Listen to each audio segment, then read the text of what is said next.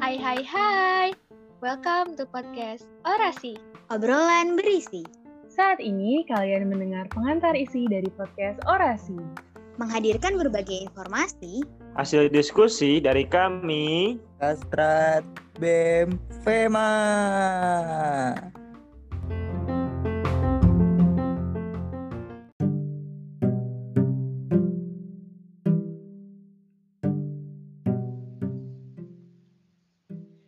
Halo, di podcast perdana Orasi ini ada gue Fatim dan gue Asia. kita bakal nemenin kalian untuk beberapa menit ke depan. Nah, di episode perdana ini kita bakal bahas apa nih Asia? Kali ini tim, kita bakal bahas hasil kunjungan Kastrat sebelumnya ke Pusat Studi Agraria IPB. Dengan tema bahasan Agraria dalam Kacamata Ekologi Manusia. Betul banget. Dan alhamdulillah nih kemarin kita berkesempatan buat ngobrol-ngobrol sama Dr. Rerum Naturalium Rina Mardiana SPMSI selaku Kepala Pusat Studi Agraria IPB. Tapi nggak cuma Bu Rina doang tim, Hmm. ada Mas Tri dan Mas Ari dari PSA IPB yang juga menyempatkan hadir buat diskusi bareng kita. Benar-benar. Oke nih langsung aja ya, gue mau mengulik lebih dalam terkait diskusi kita kemarin. Boleh dong nih, eh, lu jelasin dikit tentang agraria tuh apa sih? Boleh dong. Mungkin gue sekalian bahas tentang agrikultur juga kali ya. Boleh, boleh. Agrikultur dan agraria itu menurut bahasa berasal dari bahasa Yunani yang sama, yaitu eger, yang berarti arena.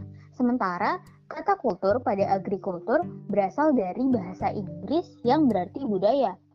Di bahasa Sanskerta sendiri, budaya itu bermakna hasil, cipta, karsa, dan rasa manusia. Dan sebagai hasil yang diciptakan oleh manusia, tentunya harus ada dong pembatasan kekuasaan di dalamnya. Bener banget, Sya. Nah, pembatasan yang lu sebut tadi, ini tuh dilakukan agar penyelenggaraan negara tidak sewenang-wenang atau otoriter. Betul. Nah, dan hal ini tuh sudah jelas termaktub dalam konstitualisme agraria di UU PA 1960 dan Undang-Undang Dasar 1945 yang berbunyi, bumi, air, dan kekayaan alam yang terkandung di dalamnya dikuasai negara dan dipergunakan untuk sebesar-besarnya kemakmuran rakyat. Gue mau bahas nih, Tim. Kenapa sih kekuasaan dalam agraria itu penting? Hmm, kenapa tuh? Nih, jadi menurut salah satu tokoh bangsa kita yang juga seorang pendiri gerakan tani Barisan Tani Indonesia, Muhammad Tauhid, dalam bukunya beliau tuh menyatakan bahwa siapa yang menguasai tanah, menguasai makanan gitu. Hmm, setuju banget. Di zaman penjajahan itu dulu kan kayak banyak kan negara yang mau ngerebut kekuasaan tanah Indonesia Iya, iya. Dengan peperangan ataupun sejenisnya gitu.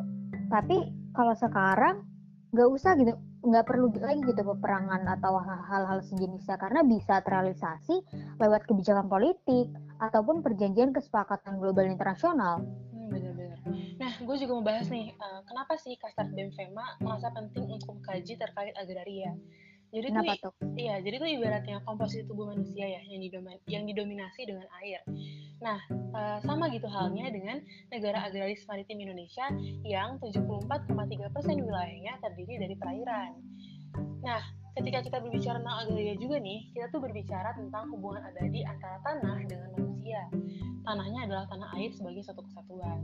Nah, makanya kaitannya ekologi manusia dengan agraria itu inheren atau tidak bisa dipisahkan. Sehingga Hmm, Iya, sehingga tuh hubungannya tuh bukan lagi sebuah hierarki, yang artinya tidak ada yang lebih uh, lebih atas ataupun lebih rendah. Gitu. setuju banget sih Tim. Apalagi sekarang tuh people-people gitu ya, Iya, Kan- kenapa? kesadarannya tuh berkurang Hmm, mengenai hal iya, hal-hal benar-benar. kecil gitu yang dilakuin terus-menerus gitu. Padahal hal tersebut kan bisa jadi kontribusi yang gak hanya berdampak terhadap orang lain, tapi diri sendiri juga gitu. Hmm. Contohnya misalkan negara Indonesia ngasalin asap. Apa cuman orang Indonesia doang yang bakal dapat dampak negatifnya? Enggak kan? Enggak sih, iya benar. Nah ini tuh nyambung sih sama pembahasan Bu Rina kemarin ya. Bu Rina juga ngebahas dari habit yang gak berasa itu tuh muncul kesenjangan yang besar. Yang pertama Yang mana? nih, ada yang pertama nih ada jurang ekologis yang eh, nunjukin kesenjangan antara manusia dengan alam. Di mana nih kita akhirnya butuh 1,7 kali lagi planet kayak bumi untuk menopang gaya hidup kita.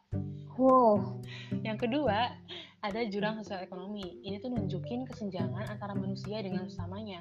Lu bayangin ya, Gimana tuh? di mana 8 orang terkaya di dunia setara dengan separuh penduduk dunia terbawah atau sekitar 3, miliar 3,5 miliar jiwa maksud gua. Asli. Jauh banget dong jaraknya. Iya, kaya banget kan ya berarti ya. Kayak banget. Nah, dan yang ketiga nih ada jurang spiritual yang nunjukin kesenjangan antara manusia dengan dirinya sendiri. Di mana per detiknya 40 orang di dunia meninggal akibat bunuh diri. Ya Allah miris. Miris banget. Bener banget ya. Itu kenapa makanya kita itu tuh harus jadi renungan kita bersama gitu. Karena ternyata tuh penting buat ngebangun kesadaran sistem yang seimbang sama kesadaran ekosistem ya kan. Iya. Karena pada dasarnya manusia tuh cuma elemen kecil yang ada di alam semesta dan terintegrasi gitu satu sama lain. Dan pada akhirnya keterputusasaan manusia dengan alam tuh bakal balik ngancem kehidupan manusia itu sendiri. Hmm, setuju banget sih sama kata-kata lu gue.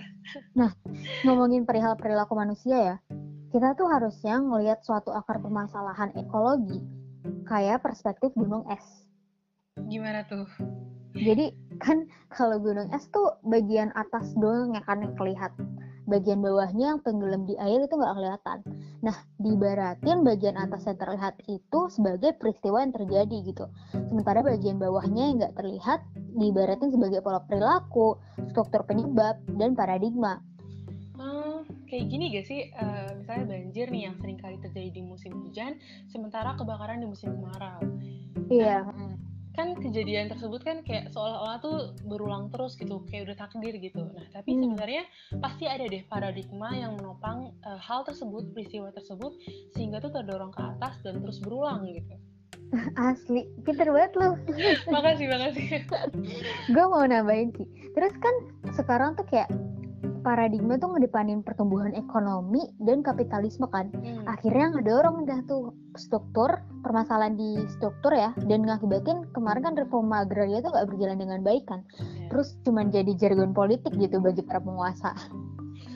Terus selain itu masalah itu juga jadi bikin carut marut di tata kelolanya. Hmm, dan gak cuma sampai situ doang ternyata ngedorong pola perilaku sektoralisme kebijakan agraria, ketimbangan agraria, dan oligarki pada penguasaan sumber daya alam. sulit ya terus gimana tuh solusinya Nah, gimana nih dari pembahasan kita yang kemarin? Ah, nah dari pembahasan kita kemarin ya, mungkin solusinya bisa dengan bagaimana kita melakukan kolaborasi agraria yang kebijakannya tuh holistik, di mana pada pola perilaku bentuk kebijakannya eh, dibuat terpadu. Struktur penyebab penghambat eh, reforma agraria harus diminim- diminima- diminimalisir, maksud gua maaf, dengan mengandung konstitualisme agraria, good governance SDA, dan keadilan sosial inklusif. Oh, I see. Jadi intinya tuh pembangunan yang berkelanjutan ya. Iya beneran banget. Kalau dari yang gue tangkal kemarin tuh, Bu Rina sempat nyebutin kalau keseimbangan tuh terjadi di antara tiga hal sih. Hmm. Keseja- kesejahteraan sosial merata, terus juga spiritualisme dan berkedaulatan, sama yang terakhir tuh keadili- keadilan maksud gue, keadilan agraria dan ekologi. Bener-bener. Dan terakhir nih ada kata-kata Bu Rina yang gue suka banget. Apa tuh? Kalau ada orang bilang, saya mah apalah debu, iya emang debu gitu kalau dibandingin Iya, iya. dengan alam yang ada. Tapi bukan berarti nih kita nggak bisa jadi apa-apa. Bukan berarti kita nggak bisa berkontribusi besar dalam suatu fondasi peradaban yang besar gitu. So, sampai bertemu di podcast selanjutnya. Bye-bye!